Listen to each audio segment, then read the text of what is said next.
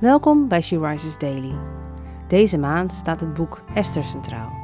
En vandaag luisteren we naar een overdenking van Carla Kwakkel. We lezen uit de Bijbel Esther 1, vers 10 tot 18. Op de zevende dag van zijn feest had de koning veel wijn gedronken. Daardoor was hij heel vrolijk. Hij riep zijn zeven persoonlijke dienaren bij zich.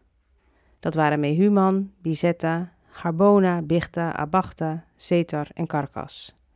Zij moest de koningin Vasti bij hem brengen met de koninklijke kroon op haar hoofd. Want de koning wilde al zijn belangrijke gasten laten zien hoe mooi ze was. En mooi was ze zeker. De dienaren gingen naar de koningin toe en vertelden haar wat de koning wilde.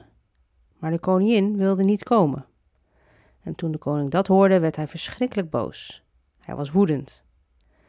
De koning overlegde belangrijke zaken altijd met zijn raadgevers. Zij kenden het verleden en ze wisten alles van de wet. Hij overlegde meestal met de zeven ministers van Perzië en Medië. Dat waren Carsena, Setar, Atmata, Tarsis, Meres, Marcena en Memugan.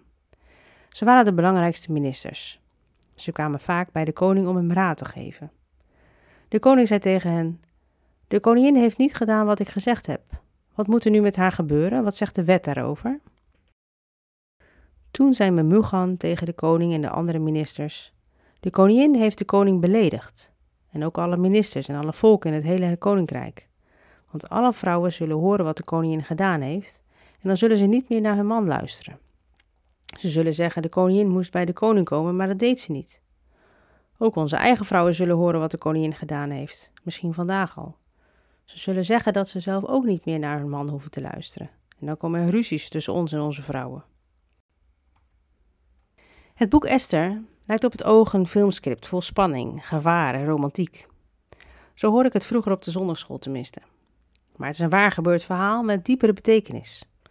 Al wordt Gods naam niet genoemd, toch is hij aanwezig in het stukje geschiedenis van Gods volk. Soms denken wij dat God stilzwijgend toekijkt hoe wij hier op aarde ons leven leiden. Niets is minder waar. Zo kunnen wij ook Gods hand zien in het boek Esther. Vandaag gaat het over koningin Vasti, we weten niet veel van haar. Haar naam betekent beeld schoon, als een roos. Koning Ahasveros was drie jaar aan de macht en hield nu een zes maanden durend feest in zijn paleis in Susan.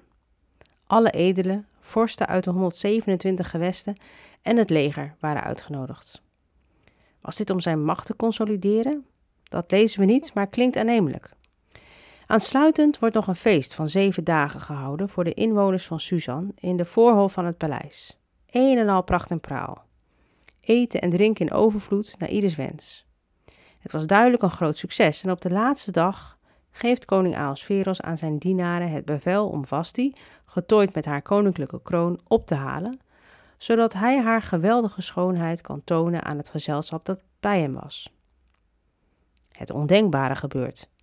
Ze weigert te komen. Ze heeft haar eigen feest en is verhinderd. Wat een schokkende beslissing, zeker in die tijd. Wat was haar reden om te weigeren? Was ze hoogmoedig, rebels? Dat weten we niet.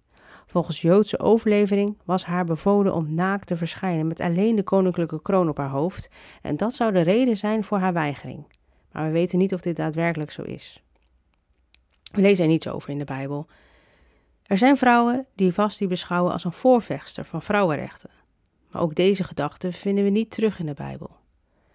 Wel mag duidelijk zijn dat dit voor Ahasveros en zijn gasten een enorme belediging was. De raadgevers van de koning, kenners van wet en recht, voorzien grote problemen en adviseren de koning om een daad te stellen en Vasti te verbannen van het hof. Al wordt in Gods woord niet altijd tekst en uitleg gegeven, hij heeft de wereld in zijn hand. Hij is soeverein en wij mogen zien in het boek Esther dat God zijn volk niet vergeet. Een eenvoudig Joods meisje neemt straks de plaats in van Vasti. Is dat toevallig? Ik denk dat we hierin Gods hand mogen zien. In Spreuken 21, vers 1 staat: Het hart van een koning is in de hand van de Heere als waterbeken. Hij neigt het tot alles wat hem behaagt.